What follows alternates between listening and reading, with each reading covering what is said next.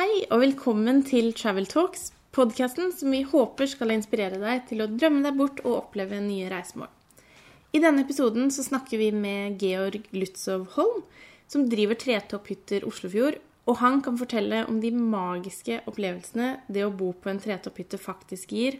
Og kanskje er det nettopp denne opplevelsen du bør tenke på når noen skal gifte seg, har et jubileum eller bare ønsker å rømme fra hverdagens jetset liv.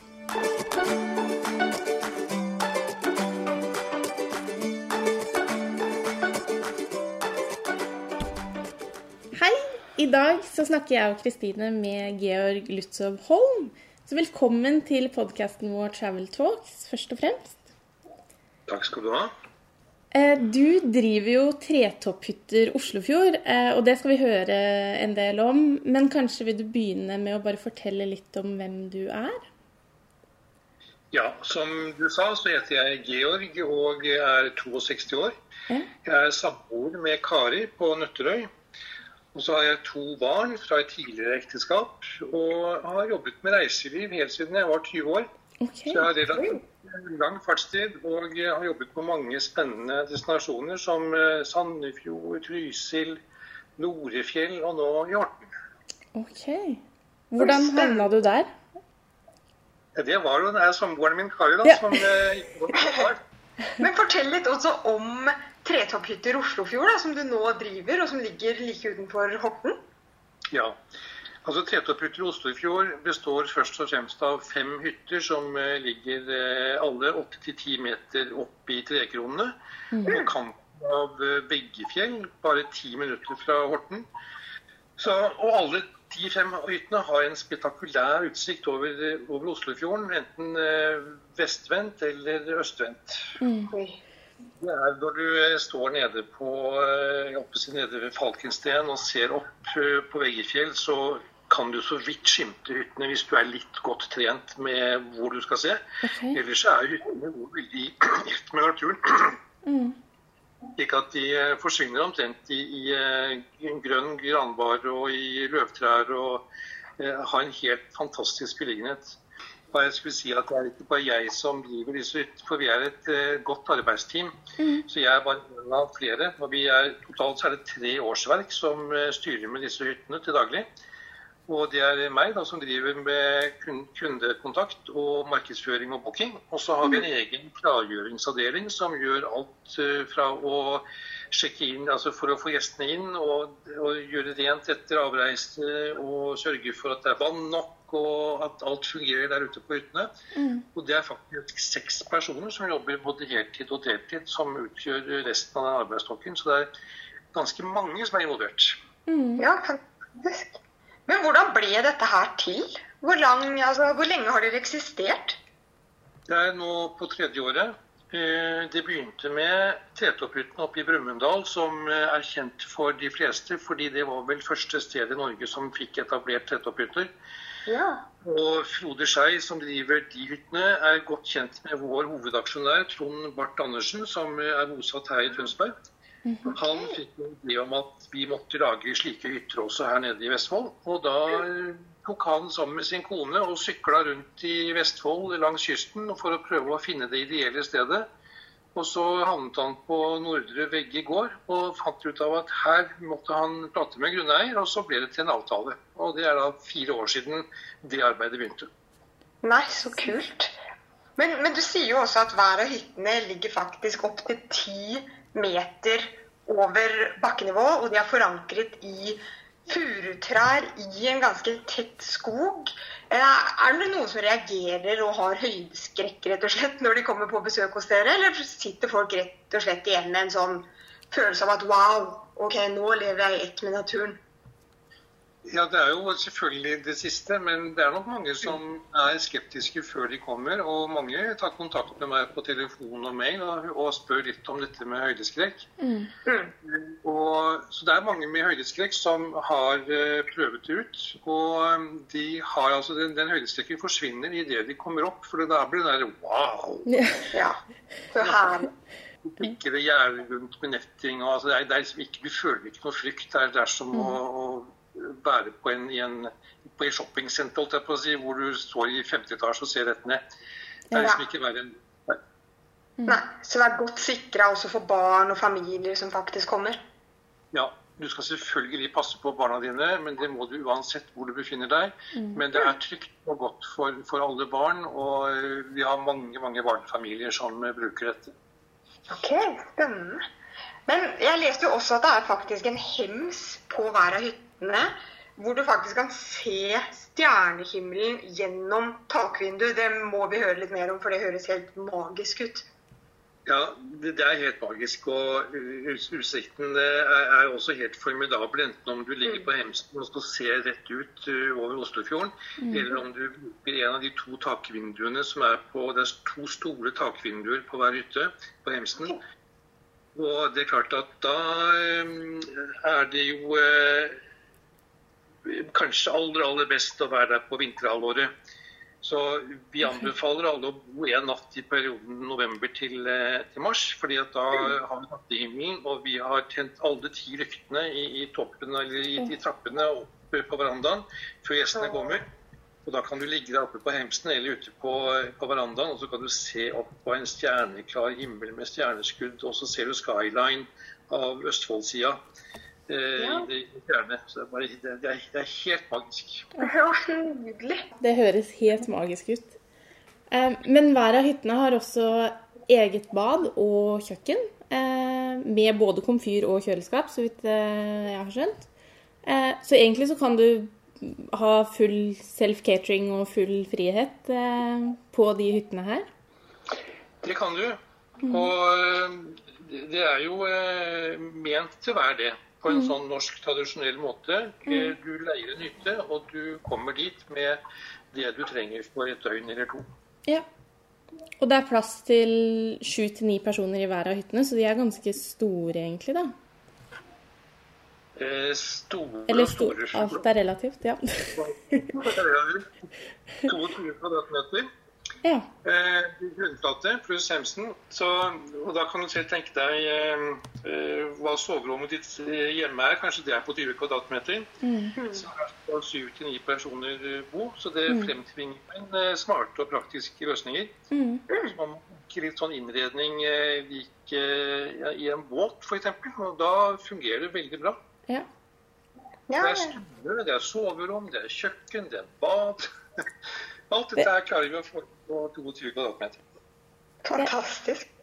Men jeg, jeg må jo si jeg elsker det konseptet som du også beskriver som litt sånn tradisjonell norsk stil. At man faktisk tar med seg maten selv, man lager mat selv. Man, altså, man har nesten sin egen hytte, rett og slett. Men samtidig så er det jo noen som ofte vil spise ute og virkelig ha den typiske andre feriefølelsen. Er det mange tilbud rundt der når det gjelder restauranter f.eks. Og folk, for folk som faktisk har lyst til å bli litt oppvarta på tur? Ja da. Eh, altså Mattilbudet i Horten det er veldig bra og, og variert. Eh, men eh, det er ti minutters biltur ned. Så hvis du eh, Altså vi, vi anbefaler jo våre gjester å være mest mulig, eh, bruke mest mulig tid på Trettopphytta. Fordi det er jo det er den opplevelsen du har valgt, og ikke, mm. og ikke for å besøke en restaurant i Horten. For det kan du gjøre ved en senere anledning. Mm. Det det jeg mente å si var at Hvis du likevel ønsker å ha eh, mat servert, så har vi faktisk også et tilbud på Trettopphyttene. Hvor vi kan eh, forberede eh, enten frokost eller en eh, aftensmat med spekemat og ost. Oi. Og hvis du ønsker å slå ordentlig på stortromma, så, eh, så er det mulig å leie en kokk som eh, kommer opp til tretopphytta di. Og mens du sitter med et godt glass eh, med et eller annet morsomt i glasset, så kan du også se utover Oslofjorden. Og kjenne luften rundt deg, så, så lager kokken mat, og du bare kan sitte der og vente og, og glede deg til et deilig måltid. Fantastisk! Det høres helt herlig ut. Vi, vi har også skjønt at de tretopphyttene har navn etter eh, fugler som bygger reder eller oppholder seg i området. Eh, kan du kanskje fortelle litt om det, og hva som ligger bak, eh, bak det? Ja, vi har jo, for først er det totalt eh, 20 ulike fugleslag som, som kommer til våre matstasjoner på hver hytte. Ok. Eh, Og, men rovfuglene som hytta er kalt opp etter, de kommer heldigvis ikke til mat, matfatene eller matstasjonene. Men de kan kretse kretser rundt i luften og være til, til flott skue for, for, gjestene våre. Mm. Men det er da ørn, våk, ugle, hauk og falk. Så vi har kalt dem for ørneredet, våkeredet, ugleredet, haukeredet og falkeredet. Tøft. Og det høres jo virkelig ut som, som et eldorado for fugleelskere her. Og du sa det, var, det kom 20 typer fugler eh, rundt i området. Men kommer det mange som er veldig interessert i fugletitting? Er det virkelig et spesielt sted for de som er interessert i nettopp det? Noen. Eh, vi har hatt folk som har eh, spurt om vi har gode kikkerter og, og sånt på hytta. Og vi mm. har ikke gode kikkerter, men vi har kikkerter på alle hyttene. Men eh, det, er vanskelig å skaffe gode nok kikkerter som er innenfor en rimelig pris for, for mm. de som virkelig ønsker å se på fugler. Mm. Ja. Men de som er mest interessert, de har jo selvfølgelig eget utstyr og eget foto, fotoutstyr. Mm. Og de har veldig stor glede av å være der, og jeg får ofte gode tilbakemeldinger fra dem. Men generelt så er jo de 20 fuglesortene som kommer, det er helt vanlige norske fugle, fuglearter. Mm. Og bare fått å se de helt nært innpå deg med barn og kanskje besteforeldrene ved siden av deg. Mm. Og, så, og, så, kan du liksom du, du, kan skille de ut på gråspeil, på um, blåmeis og gråspett og flagg, flaggspett og, og alle mulige meisetyper og sidensvans. og i det hele tatt uh, du, du, finner dem alle. Uh, alle de som driver skogen, de, de finner du også der ute. Mm. Jeg kan jo tenke meg at utenlandske turister som heller ikke egentlig har sett norsk fugleliv, må jo være litt ekstra fascinert? Ja, det er de nok. Og klart at Du kommer jo ikke så nært innpå naturen i så veldig mange europeiske land som det du gjør i Norge. Mm. Ja, nettopp.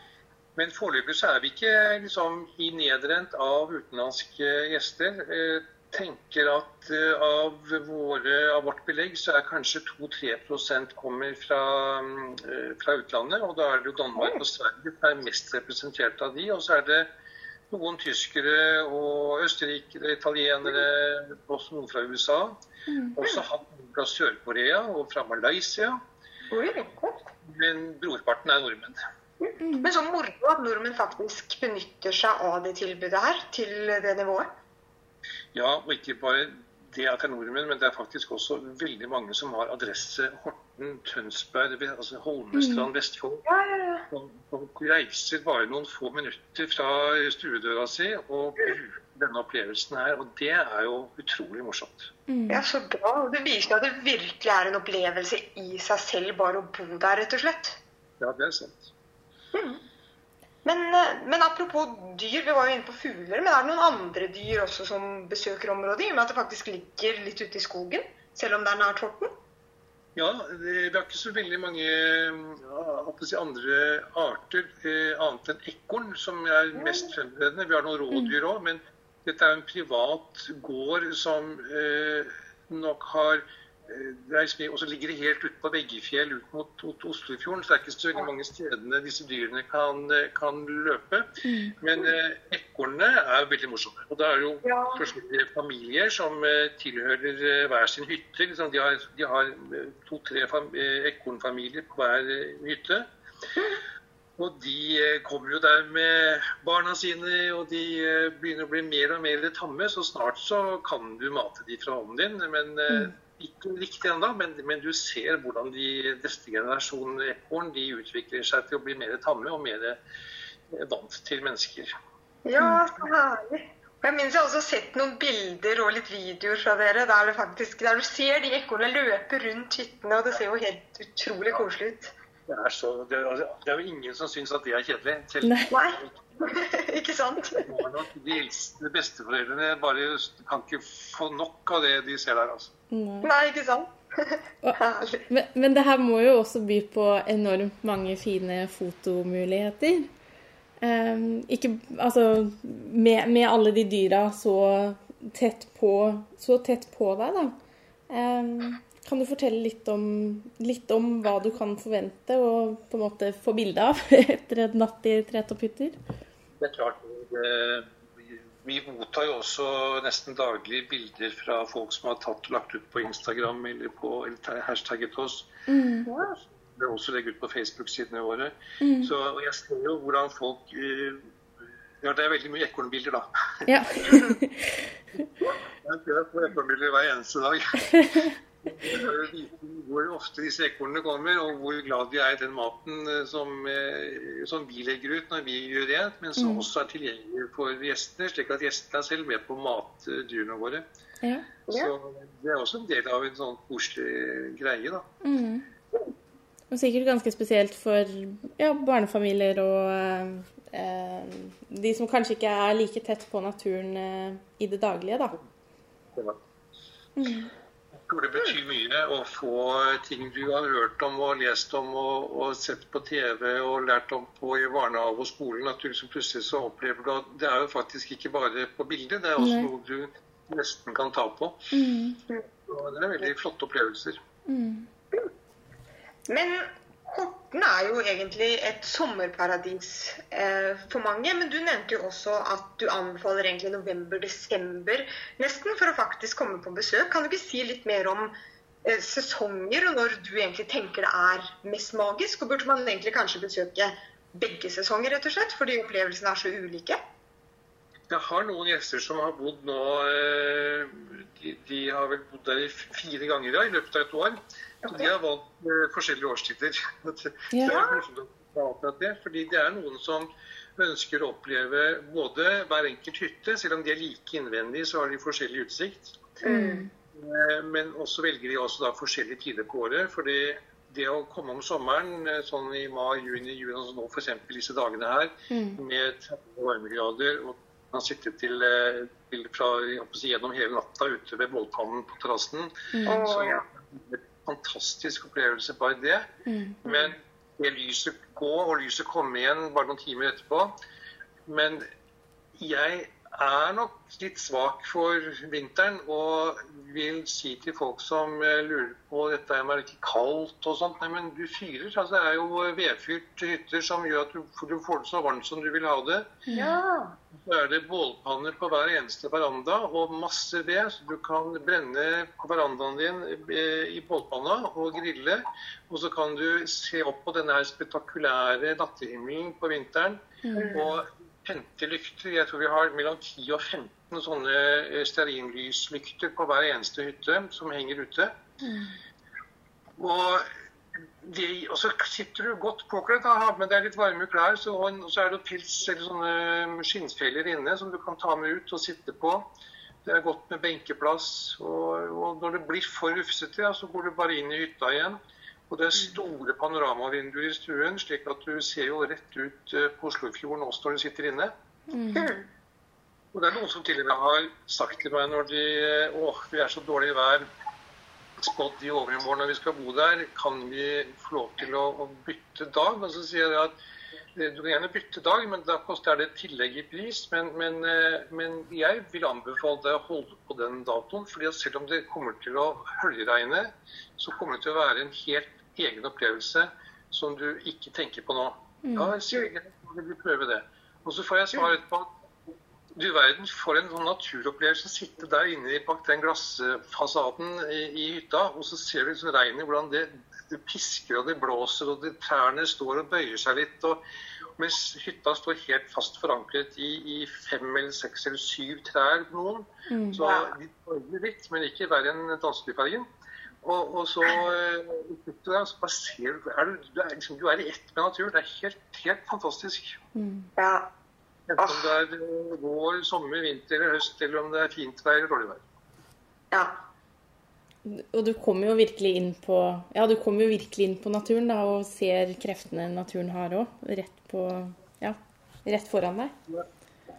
Vi har måttet stenge hyttene én gang, og det var oktober for to år siden snart, eller halvannet år siden. okay. Hvor det var varslet eh, 30 sekundmeter i vindkastene. Okay.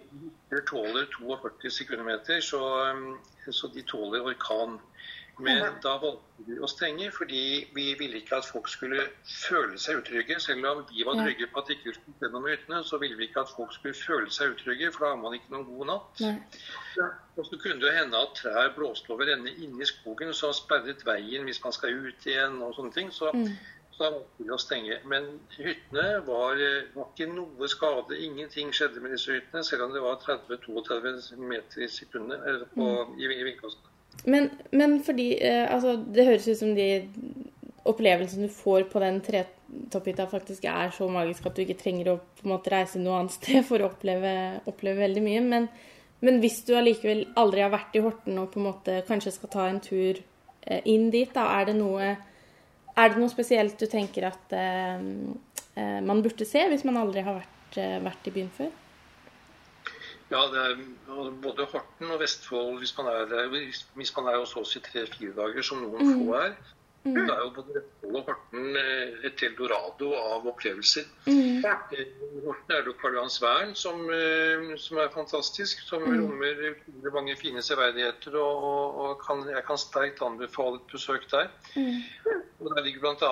Preuss fotomuseum, Marinemuseet med ubåt du kan entre og gå ned i. Og det er utallige gallerier, og det er utsalgssteder for brukskunst. Så det er et utrolig mangfold på Karl som, som man nok vil måtte ha med seg hvis man skal til Horten for første gang. Mm. Men man kan ikke gjøre det mens man bor på Døtahytten. Det kan man jo enten før eller etter man har vært på hyttene våre. Så, så, når du først er på hyttene våre, da, da bør du være der hvis ikke du er her mange dager, da. Ja. ja. Men hvor lenge er folk som oftest der? Hvor mange netter tilbringer folk i gjennomsnitt?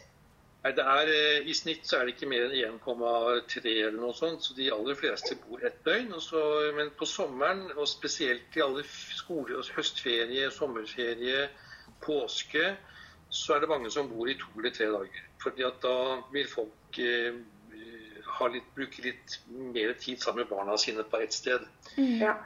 Våre hytter er en sånn, først og fremst en sånn nå skal jeg oppleve tretopphyttesak. Mm. Og da venter man en natt, og så kommer man klokken fire. Og så ordner man seg, man tenner bålpanna, man koser seg og senker skuldrene helt. Ikke er det TV der, og ikke er det wifi. Og eh, du har mobiltelefondekning, det har du, men ikke noe annet. Mm. Og så nyter man å gå en tur i skogen. Eh, man kan til og med gå ned til Oslofjorden. Eh, en 20 minutters spasertur ned en skråning fra, fra Veggefjell der. Ned mm. for å bade. Det er oppmerket sti og det hele, så, så noen mange gjør det. Og det å bare gå rundt i skogen Det er en urskog, det er ikke, det er ikke en, eh, en, bearbeidet skog. Det er en skog som får lov til å vokse helt naturlig. Og der hvor et tre som faller, skal ikke røres. Det skal bli liggende der. Mm. Det er et sånt LND, eller eh, LNF-område som gjør at eh, det skal vernes på en spesiell måte. Og det gjør at skogen er veldig morsom og spennende å gå i for barn og for ja. mm. Det høres jo ut som en egentlig helt fantastisk base. Og, og, for meg egentlig tilbringe mye mer tid i enn bare en natt. For er, jeg tror det du beskriver nå, er i så stor grad det mange av oss trenger. Å senke ja. skuldrene litt og ikke sitte der på mobilen hele tida med wifi vårt. Og, og, bare egentlig være i ett med naturen mye mer. Ikke bare nødvendigvis i én natt, men i faktisk flere. Ja, Det har du helt rett i. og Vi prøver jo å få folk til å bli mer enn én natt. Men det er klart at per i dag så har ikke vi noe rabatt hvis du bor to dager eller mhm. mer. Det er fordi at vi fyller opp alle dagene, og da er det eh, liksom, Vi har ikke kommet dit hen at vi skal, vi skal gjøre det. Men eh, mm. det kan hende at vi vil vurdere det med tid og stunder. At vi skal gi noe, noe rimeligere ved å bo flere netter.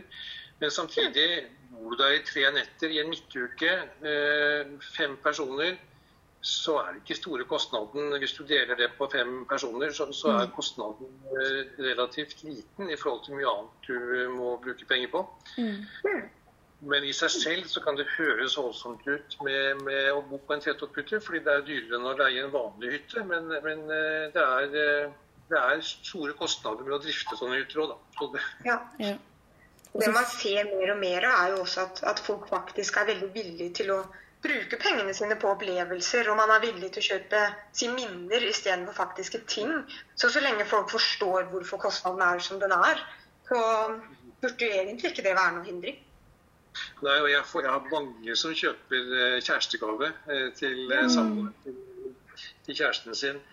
Eh, som er også en overraskelsesopplevelse på bursdagen. Som de da sånn, gir sånne opplevelsesgaver, som du sier. Det er utrolig mange som vil ha gavekort som de gir bort til eh, enten i bryllupspresang eller i bursdagspresanger og sånne ting. Så det er, det er, mange som ser den muligheten av å gi en opplevelse, ja. Mm. Ja, ja, det hadde jeg blitt glad for, det er helt sikkert. det høres jo ut som om det er en opplevelse i seg selv å være der. Eh, med alt du, ja, alt du kan gjøre bare i skogen og rundt og inne på hytta. Ja, det er, eh, det er mer enn nok å kjøre sånn, et sånt døgn eller to døgn, mm. som gjør at du skal egentlig ikke forstyrre det med, med, andre ting også. fordi det er, så, det er så mer enn nok å ta seg til der ute, og det å bare nyte. Mm. Men, men, hvis man skal komme seg eh, til dere, eh, hvordan, hvordan, gjør man det? Det aller enkleste er jo å komme med egen bil. Fordi eh, ja. vi ligger jo ikke akkurat eh, i eh, i byen. Nei. Midt ute i skauen. Og ikke går det noe kollektivtrafikk ut dit, selvfølgelig. Så du er enten må, kan du ta kollektivtrafikk med tog til eh, Skoppum eller til Holmestrand, og så taxi derfra. Mm. Men, eller buss, ekspressbuss fra Oslo ned til Kopstadkrysset, og så ta en taxi derfra. Mm. Men det enkleste er dessverre det å komme i bil. Det er liksom ikke noe annet alternativ som er enklere. Nei. Men er det mulig å komme med båt? Ja, men ikke til vår tomt eller Nei. vår eiendom. Da er det ned til Der er ned til Horten. Gjestehavna på Horten. Og, så, og der ligger jo båten trygt og fint. Og så kan man eh, ta en taxi opp. Ja. ja. Jeg kan jo tenke meg at mange om sommeren faktisk har lyst til å kanskje ta turen og sove hos dere en natt eh, når de faktisk er på båttur rundt i Vestfold generelt, kanskje? Mm. Ja. Da skal de bare planlegge litt i god tid, da. Ja. ja godt poeng. Godt poeng. Men, men, skal vi snakke litt også om egentlig nærområdet? For du sa jo allerede at Horten og Vestfold er jo de har jo sommerperler på en snor, rett og slett. Og jeg har også noen av mine absolutte favoritter der. altså Helgerå, Nebluhavn, Tjøme, Stavern. Dere ligger jo ganske, ganske nært også de stedene her. Det er vel under en times kjøretur? Vi ligger vel egentlig i, eh, i hjertet av, eh, av, av Norge. Sånn, sånn, sånn, sånn, sett. Det som jo er fantastisk med Vestfold, er jo at du har så mange ting som er eh, bl.a. familierelatert. Mm. Eh, du har jo Høyt og lavt i Svarstad. Mm. Ja. Follvik familiepark. Og så har du Midt... Buggegården. Eh, og så har du for de som er litt sånn, liker å gå litt eh, eh, og klatre litt, så har du Via Ferrata ute på Tjøme. Altså, ja. Hele Tønsberg, eller hele Vestfold, men unnskyld, hele Vestfold er jo full av fantastiske muligheter for, for både voksne og barn. Mm.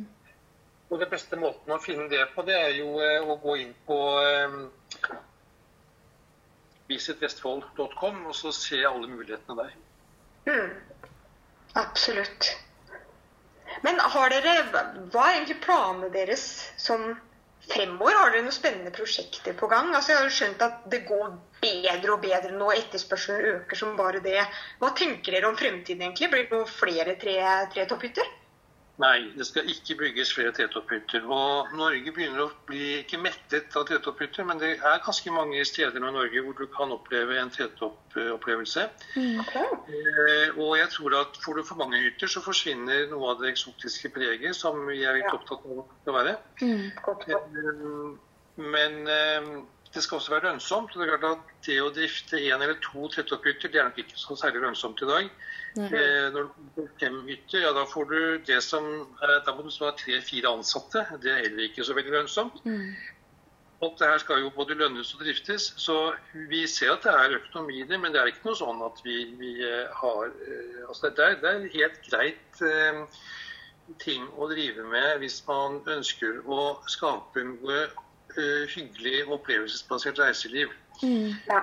Men vi har andre planer, men de eh, kan jeg ikke dele med dere nå.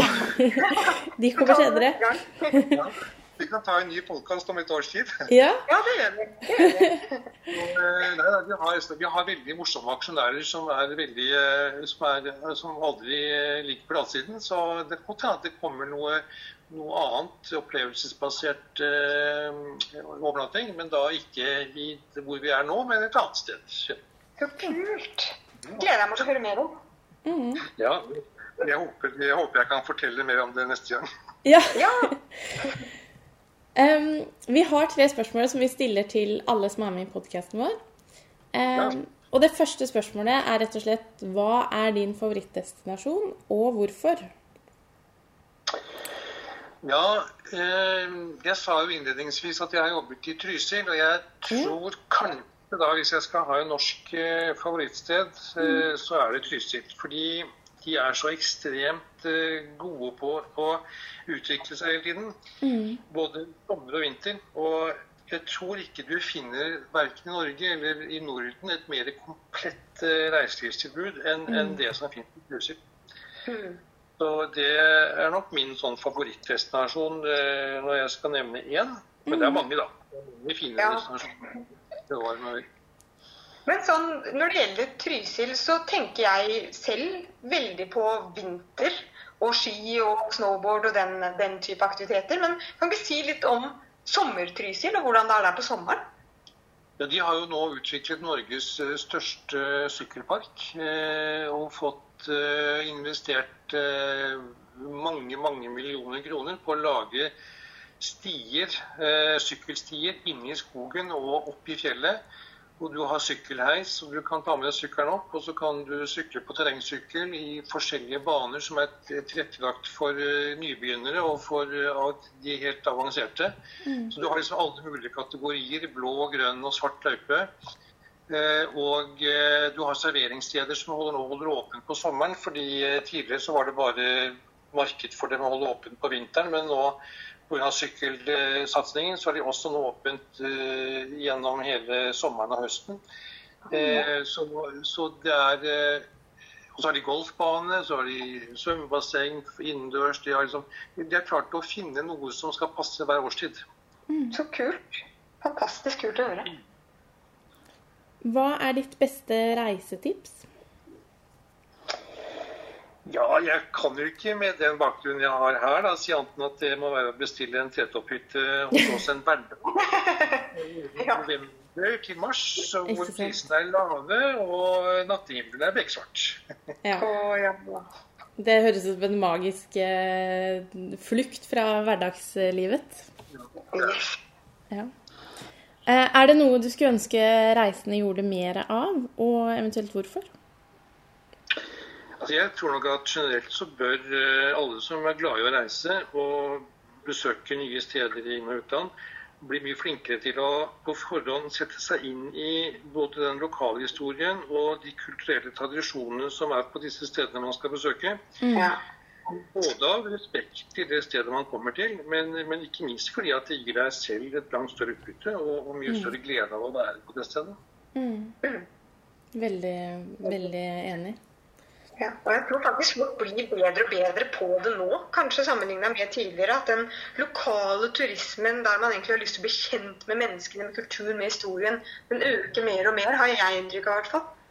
Det har du nok rett i at den øker, men det er fortsatt veldig mange som bare reiser et sted og ikke tenker over at det faktisk er en historie. De bare reiser dit fordi de har sett et fint bilde i en brosjyre. Mm. Ja. Det, har helt rett at det er mange flere som nå ser verdien av og også setter seg litt mer inn i det stedets historie og, og tradisjoner. Mm. Mm. Og håper det øker enda mer. Ja. Mm. Tusen hjertelig takk for at du var med på podkasten vår, Georg. Takk for at jeg fikk lov til å være med. Tusen takk.